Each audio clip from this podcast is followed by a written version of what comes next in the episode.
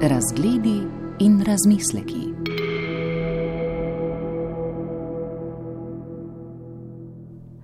Češnjev vrt je zadnja igra Antona Pavloviča Čehova. V njej se grofica Ranevska s spremstvom vrne na domače posestvo, ki se bo zaradi zapadlih plačil kmalo znašlo na dražbi. Januškica, kako ste doživljali to leto, pandemijo in ustvarjanje predstave Češnjev vrt v mestnem gledališču Ljubljanskem? Ja, pokušavam svim eh, izkustvama eh, pridodati nešto pozitivno. Za mene je to bil jako V vsaki izkušnji skušam videti nekaj pozitivnega. Iz več razlogov je bilo to zame zelo pozitivno življenjsko obdobje. Predvsem sem bil zelo radoveden. Prvikrat sem delal s tem ansamblom, čeprav sem nekatere ljudi seveda poznal in z njimi že sodeloval, naprimer z Brankom Jordanom, Natašo Raljan in Borisom Ostanom. Vseeno je bilo zelo zanimivo. To obdobje je bilo nenavadno, vsaj za delo v gledališču, morda bo slišati čudno. Sam sem svobodnjak, freelancer. Propadli so mi vsi projekti, ki sem jih imel, bili so odpovedani. Leto dni dejansko nisem delal skoraj nič, samo ta češnjev vrt. Gledališče je bilo zaprto, igravci niso imeli drugih obveznosti. V mestu je bilo sicer grozno, policijska ura, vladala je čudna atmosfera, nekaj časa sem se celo vozil v Zagreb, kjer policijske ure niso imeli. Policijska ura me spominja na najhujše, ne vem ali je bila potrebna. Vseeno sem se v avtu počutil bolje, čeprav sem se moral nenehno testirati. Sem pa vseeno užival v tej posebni atmosferi in v tem, da so bili igravci tako predani temu projektu. Pa tudi v dejstvu, da nismo delali pod pritiskom, da moramo končati. Seveda smo imeli rok, ki smo se ga morali držati. Tudi v ansamblu so se pojavili primeri bolezni, vmes sta prišla Božič, pa novo leto, ko smo delo prekinili. Gledališče se je zapiralo ob 17. Mi smo delali vsak dan od 11. do pol petih. Imeli smo zelo zgoščene vaje, na katere so prihajali v glavnem vsi. To je bilo nekaj posebnega. Ko smo junija obnavljali predstavo in se pripravljali na premiero, sem se bal, da ne bomo mogli uživiti tistega, kar je spremljalo to predstavo. Januarja ali februarja smo pripravili interno premiero, ki je imela poseben čar, magijo in težo. Morda tega danes v predstavi ni opaziti ali povsem razumeti.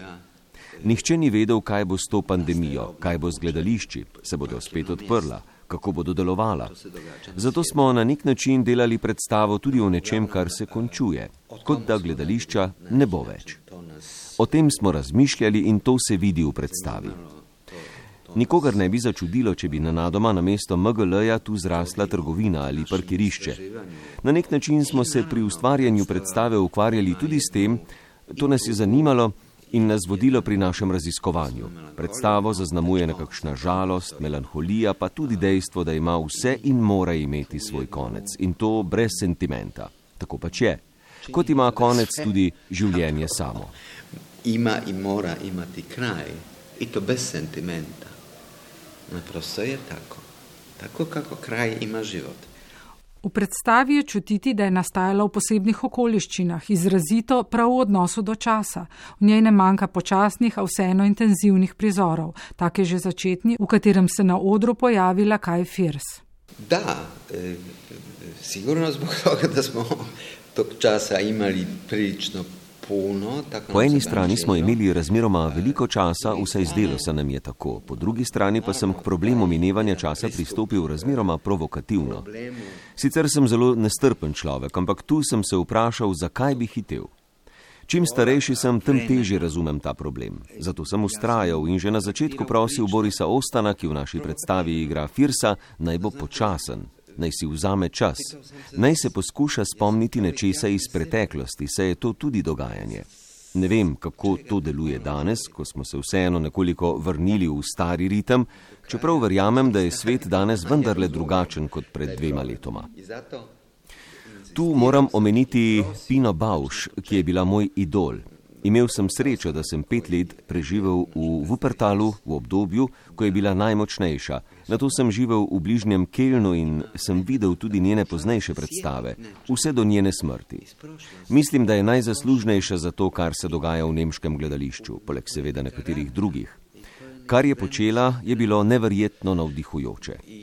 Potem, ko sem si ogledal njeno predstavo z naslovom 1980, nastala je tega leta, jaz sem jo videl nekaj let pozneje, sem dojel, kaj pravzaprav je gledališče. Dojel sem, da delitev na lik in izvajalca, na lik in igralca, na občinstvo in izvajalce, da to ne obstaja, da je vse eno. Predstava Pine Bauš pripoveduje o otroštvu ljudi, ki v predstavi nastopajo. Danes to zveni banalno, tudi to je bil začetek 80-ih, ko je bilo to nekaj popolnoma novega. Bilo je neverjetno, da nekdo stopi pred mikrofon in pripoveduje o tem, česa se boji. In tako 20 ljudi, eden za drugim. Pri Pini Bauš si je bilo treba zaslužiti solo nastop, ne s talentom, temveč z zrelostjo. Nihče, ki je prišel, ni mogel naslednji dan že početi nečesa sam. Najprej je bil samo del ansambla, šele pozneje, ko je v njem prepoznala določene reči, je lahko kaj naredil tudi sam. Želim reči, da je bila že tam, pri Pini Bauš, ta tema časa absolutno centralna. Delala je stvari, ki si jih drugi niso drznili. Pozneje je gotovo tudi pod njenim vplivom to počel Kristof Martaler, švicarski režiser, ki je imel obdobje velikih uspehov. Zdaj ni več tako dejaven, je pa še vedno velik umetnik, tudi glasbenik. Tu moram dodati misel, ki sem jo prebral nedavno. Sicer ni zelo nova, vendar mi je všeč. Izrekel jo je avtor, ki ga zelo cenim, Simon Stevens, pogosto izvajan angliški avtor mlajše generacije. Povedal je nekaj lepega o času in problemu smrti, kar je povezano tudi z našim češnjevim vrtom. Čeprav tega nismo razglašali, smo pa imeli občutek, ki ga je morda težko razumeti, tudi ni treba, da vsi to opazijo. Stevens je dejal, da gre pri gledališču in glasbi za formo, ki ima svoj konec. Zato hočeš nočeš, če si navzoč, če si znotraj nečesa, kar je povezano z glasbo, naprimer simfonija, koncert, gledališka predstava, gre pri tem vedno za doživljanje smrti. Če sediš pred kipom ali sliko v muzeju, lahko sediš 30 ur ali 20 minut, pa se nič ne konča, obstaja v neskončnost. Gledališče pa ima vedno konec, ima strukturo, nečemu se približuje. Čehov je to zelo dobro razumel. Treba je tudi povedati, da je pisal z zavestjo o svojem lastnem koncu. Igro je napisal leta 1904, kmalo zatem je umrl. To nas je zelo zanimalo. Pa še nekaj. Delali smo na nek način tudi esej na temo češnjevega vrta, kar se morda prav tako na prvi pogled ne vidi. Predstava se začne s prihodom Firsa, ki se poskuša spomniti, si priklicati prostor, kjer se je nekoč v preteklosti nekaj zgodilo.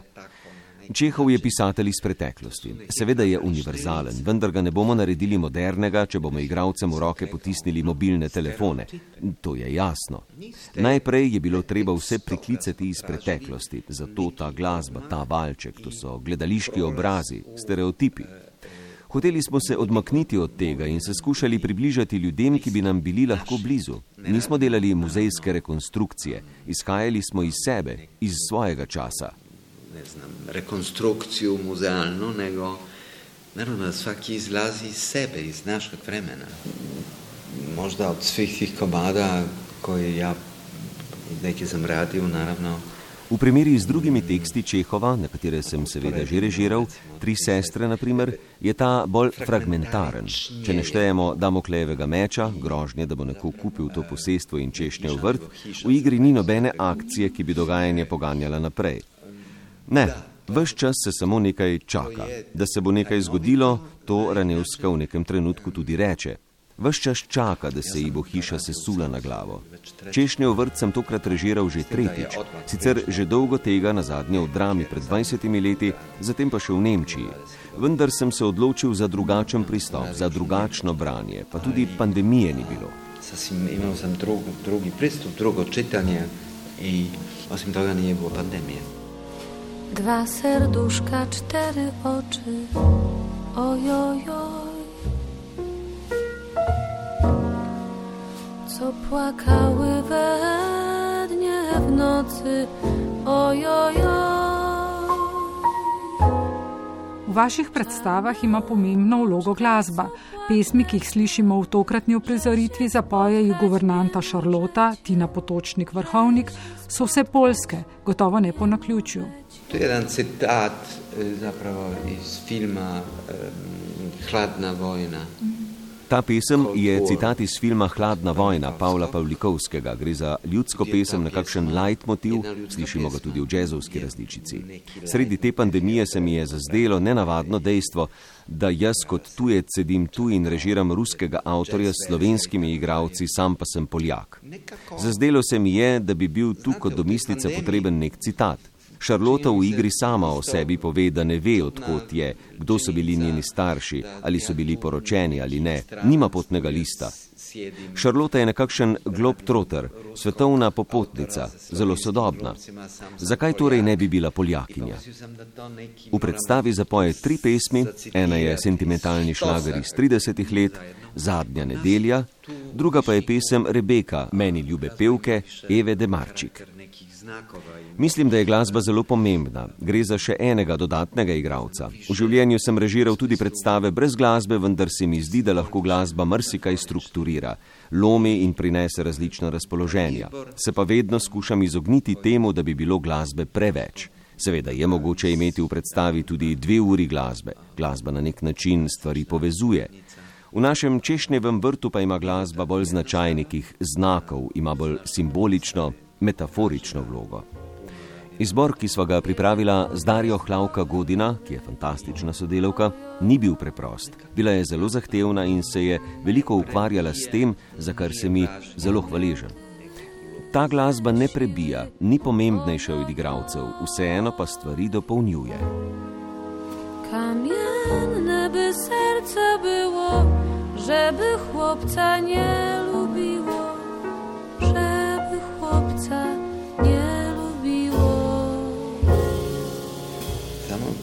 događa neka zabava v trećem činu, kad se čeka na V tretjem dejanju, ko čakajo na odločitev o tem, ali bo češnjev vrt prodan ali ne, se v hiši dogaja neka zabava. Zazdelo se mi je, da bi bilo dobro, če ta generacija, ta glasba, ta celotni modus ali topus te zabave z Ranevsko nima absolutno nikakršne zveze. Označuje čas, ki prihaja. Tudi glede na naše izhodišče, da mogoče v prihodnosti ne bo več gledališča. Vključil sem silovit rep, tehno glasbo, ki konkurira nekakšnemu sentimentu davnega starega časa. Na vprašanje, ali je nekdani čas boljši od novega, ni mogoče odgovoriti. Osebno mislim, da je sedanji čas oziroma čas, ki prihaja, vedno boljši od minulega. Nikoli v življenju ne bi rekel, da je bilo pred stoletji vse boljše, ker tega preprosto ne verjamem. Tako je tudi v tej igri. Sicer se odnosa med Ranevsko in Lopahinom nismo lotili antagonistično, ampak če rečete, da je treba stari razred zavreči, uničiti, da mora svetiti naprej, ali pa če se postavite na stran Ranevske in rečete, da je treba negovati tradicijo in tako naprej, to sploh ni tema igre, čeprav jo pogosto tako uprizarjajo. To je precejšnja simplifikacija. Čehov je nakopičil te like z njihovimi problemi in jih pustil, jaz, vi, kdorkoli, ki pride, lahko nekaj doživi ali pač ne, lahko iz gledališča nekaj odnese ali pa ne. Predstava je zgrajena na sočasnem obstoju različnih svetov, različnih koncepcij tega, kako razumeti svet in kako ga vidijo ti liki. In to je povezano z glasbo. Dunjaša ima seveda svojo glasbo.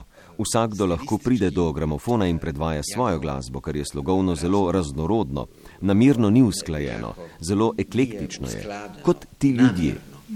Jako je eklektično zapravo. Tako kako, kako ovi ljudi. Na slovenskih odrih v zadnjih letih morda celo prevladujejo predstave po motivih. Vi svoje predstave ustvarite z velikim spoštovanjem do dramskih besedil, pa naj si gre za Čehova, za Šekspira, Linharta ali na zadnje Tracyja Leca. Imate občutek, da vas besedila omejujejo? Ne, pazite, to je stari problem, ki traja več, ne znam. Od... Ne, veste, to je star problem, ki traja že dolgo, vse od izida Lemanove knjige Postdramsko gledališče. Morda mnogi režiserji režirajo s to knjigo v roki. Gre za negacijo teksta, za negacijo oseb. Režiser prevzame odgovornost za scenski dogodek. Pomeni, da režiser sam sebe razume kot tistega, ki se ne skriva za tekst, temveč je tisti, ki ustvarja scensko glasbo. Meni bi bilo to dolgočasno, to je vse, kar lahko povem o tem. Razlika je ta, da mene zanima eno in drugo. Izvor vsega tega je seveda nemško gledališče, tam so si izmislili teatrologijo, veliko reformo gledališča v 20 letih. Apija, Craig, Arto in drugi. Max Herman je prišel v gledališče v Minhnu ali Berlinu in ugotovil, da moramo to nekako klasificirati. Teatrologija je nenadoma postala disciplina in začela odločati o tem, kaj je gledališče na mesto narobe. Teatrologija je bila nekoč opisna, danes pa je teatrologija programska. Mene zanima vse. Zanima me gledališče kot dejanje, seveda pa to izključevanje, ki se dogaja recimo strani tako imenovane avantgarde ali naprednega gledališča. Absolutno nimam pojma, kaj naj bi to pomenilo. Da mora biti nekaj tako, ne sme pa biti drugače. Mislim, da lahko obstaja vse. Če režiram Macbeta, ni treba, da osebe oblečem v kostume z emblemom NATO. S tem bi zmanjšal vse, kar ta igra prinaša. To bi zožilo njegovo perspektivo. Razumem to, kar se imenuje Iberschreibung, priredba. To pomeni, da vzamem besedilo, nekdo pa na osnovi tega besedila napiše drugo besedilo. Sam sem to v Sloveniji naredil pred 20 leti v igri Življenje jesen Calderona de la Barke, ki smo ga prepisali v nekoliko razumljivejši sodobni jezik z izpuščanji. Razumem, da je z nekaterimi igrami to mogoče narediti, včasih je tudi potrebno. Navade so danes drugačne. Čehova to ne zadeva, kajti Čehov je neverjetno fragmentaren, to je čista esenca. Prirediti se da igro, da bi iz nje dobili esenco. Tako je Hans Magnus Enzensberger vzel besedilo Calderona de la Barke, katerega uprizoritev bi v izvirniku trajala dva dni, in napisal iz tega novo besedilo z naslovom Hči zraka. Imel sem srečo, da sem to besedilo režiral v Sloveniji Silvo Čušin. To besedilo je zgoščeno. Če nekdo to zna narediti, je to smiselno. To je mogoče tudi s kakšno igro Gerharda Hauptmana, v kateri se strašno veliko govori. Nasploh se je nekoč veliko več govorilo, naokrog, ne tako neposredno. Odnosi so zelo zanimivi, gre za dobro literaturo, potrebno je bodi si zelo pametno vleči črte, krajšati ali pa dobiti avtorja, ki bo vzel besedilo, vzel konstelacijo, vzel osebe in probleme in na tej osnovi napisal novo igro. Vendar pa, kje je tu smisel? Kako to, da je tako malo novih avtorjev? Na Hrvaškem, na primer, imajo na srečo nekaj novih, medtem tudi že zrelih avtorjev. Vedno sem bil programiran na klasična dramska besedila, tudi moj prvi stavek na nekem sestanku o repertoarjih je bil: Lotimo se nečesa čisto novega, nečesa, kar je nekdo napisal. V Zagrebu sem tako režiral igre Ivorja Martiniča, Biljane Srbljanovič, Tene Štivičič in igro Ljudje iz Voska Mateja Matišiča. Mislim, da je treba uprizarjati igre ljudi, ki pišejo zdaj. Gledališča bi nenehno morala naročati nova besedila. To je literatura, ki bo ostala. Tu sta še Ivana Sajko in Monika Herceg. Hrvati imajo kar nekaj, nihče ne ve zakaj, nekaj fantastičnih avtorjev, ki so res močni. Ni treba, da bi kar naprej igrali Krležo, ki je sicer genijalen. Naprimer, Dino Pešut je mladi avtor, ne vem, ali ima že 30 let, odšel je, živel v Berlinu, na to se je vrnil, o tem piše. Nadarjen je, ima svoj pogled na svet, nekaj povsem novega. Morda je tu in tam v formi kaj nerodno, vendar to ni pomembno. Pomemben je glas te generacije. Seveda je mogoče, naprimer, okrog teme Macbeta ustvariti neko asociativno delo. Nedavno sem režiral Macbeta v Novi Gorici. V roke sem dobil fantastičen prevod Srečka Fischerja. Seveda sem, kolikor je bilo mogoče, skušal omogočiti temu besedilu, da zaživi, ker je prevod odličen, točen, v duhu Shakespearja, sodoben in ker se nas tiče. Je pa tudi dovolj težak, da se ukvarjam z njim, ne pa z aluzijami ali nekimi komentarji. Se njim bavim, a ne um, aluzijama ili nekim komentarima do. V začetku novembra so na velikem odru mestnega gledališča uprizorili dramo sodobnega ameriškega avtorja Tracyja Leca Augustu okrožju Osage. Avtor, tudi sam igralec, jo je napisal leta 2007, zadnjo je prejel Pulicarjevo nagrado za najboljše dramsko besedilo. Leta 2013 so po igri posneli film z zvezdniško zasedbo. Dogajanje je postavljeno v dom starejšega Paura, Beverlyja in Violet Weston na podeželju v Oklahomi in se odvija v nekaj avgustovskih dneh. Kaj vas pri tem besedilu posebej zanima? Zapravo zanima me svet v tem komadu. Zanima me ta priča, zanima me ta familija, zanimajo. Zanima me pravzaprav vse. Zanima me zgodba, zanima me ta družina, zanima me tehnični vidik tega besedila, kako ga igrati. Gre za povsem drugo šolo, za drugačen pogled na igro. Besedilo se bere razmeroma zlahka, toliko težja pa je izvedba. Besedilo sugerira, da se nekako hrani življenjem, s tem, kar živimo, dejansko pa se hrani z literaturo. Večina razlagalcev, ki pišejo o tej igri, to Tracyju Letcu celo očitajo, meni pa se zdi to genialno. Avtor ima v zavesti, kdo se boji Virginije Woolf, dolgega dne potovanja v noč, tri sestre Čehova, pa še sto drugih besedil, večinoma ameriških, in na tem temelju ustvari svoje besedilo, v katerem ni niti dva odstotka plagijata, temveč je izvirna zgodba. Kot v kralju Liru, tudi tu nastopajo tri sestre in oče, ki je odšel. Dalo bi se razpravljati o teh povezavah z drugimi literarnimi motivi, toda Lec je igralec, ki pogosto nastopa. Igral je tudi v Kdo se boji Virginije Woolf in razume princip, kako je treba napisati dramski prizor. In to je vrhunsko napisano. Vsak prizor ima namreč svojo notranjo situacijo. Priti do te situacije, razbrati, najti njen princip, zakaj gre v situaciji, da nismo samo priče običajnega prepira ali benignega razgovora, to je tisto, kar me zanima. V vseh dialogih je opazen princip moči, pridobivanje moči. Ne gre le za prepir. Argumenti so uporabljeni tako, da je tisti, ki ima boljše, v posameznem prizoru zmagovalec. Dejansko nenehno poteka boj. Liki uporabljajo različne instinkte in strategije. Če vem, kaj je vaša šipka točka, jo bom gotovo že v tretjem stavku uporabil. Tako menda živimo. Igra pripoveduje o družini, ki razpada, marsičesa ne vemo. Ugibamo lahko, zakaj starši živijo sami, sestra glavne junakinje Violet živi samo uro vožnje od nje, pa vseeno dve leti ni bila pri njej. Kakšen svet je to? Zakaj imajo zatemnjena okna in živijo v temi? Odkrivanje vsega tega, predvsem pa odkrivanje, s katero igralsko metodo bi te prizore naredili zanimive, s tem se ukvarjamo. Ne govorimo o vseh intelektualnih konotacijah, naprimer o tem, da je patron te igre na nek način T.S. Eliot. Votli ljudje je naslov pesnitve, ki jo citirajo, ki se pojavi na začetku in na koncu igre.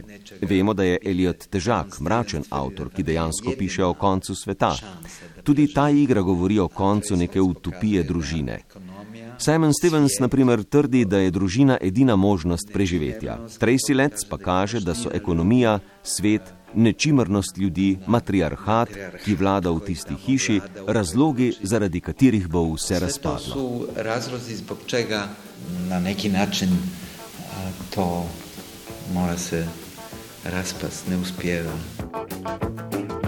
There is nothing that is wrong in wanting you to stay here got somewhere to go. Won't you make yourself at home and stay with me? And don't you ever leave. Me? Lay down, Sally, and rest here in my arms. Don't you think you want someone to talk to? Lay down, Sally, no need to leave so soon. I've been trying all night long just to talk to you. Takie to jest sve već bilo. Vse je že bilo. Kar mi je posebej všeč in je po svoje briljantno, je prepoznavnost različnih motivov. Kot pravi Brecht, bolje je dobro ukrasti, kot si slabo izmisliti. Motivi so prepoznavni, so pa postavljeni v čisto drugačen kontekst in to je dobro, vznemirljivo. V igri je zelo veliko zanimivih oseb in dosti tako imenovanega dramskega mesa, kar me zanima. Na vajah se nedolgočasim, kar sicer ni merilo, no, za režiserja mogoče celo je. Ne gre za pričakovanja. Igravci iščejo situacije in situacije so tisto, kar me v tem tipu gledališča zanima. Pa to, kako na kar najbolj preprost način, kar je po moje najtežje, kako jih izpeljati, da ohranijo napetost in niso dolgočasne. Zdaj bom citiral znamenito pedagoginjo Stelo Adler, ki je v svoji šoli vsem govorila. Počneš lahko karkoli, samo ne bodi dolgočasen. Ko ja svim svojim ljudima u školi govorila sve možeš raditi, samo nemoj biti dosadan. Razgledi in razmisleki.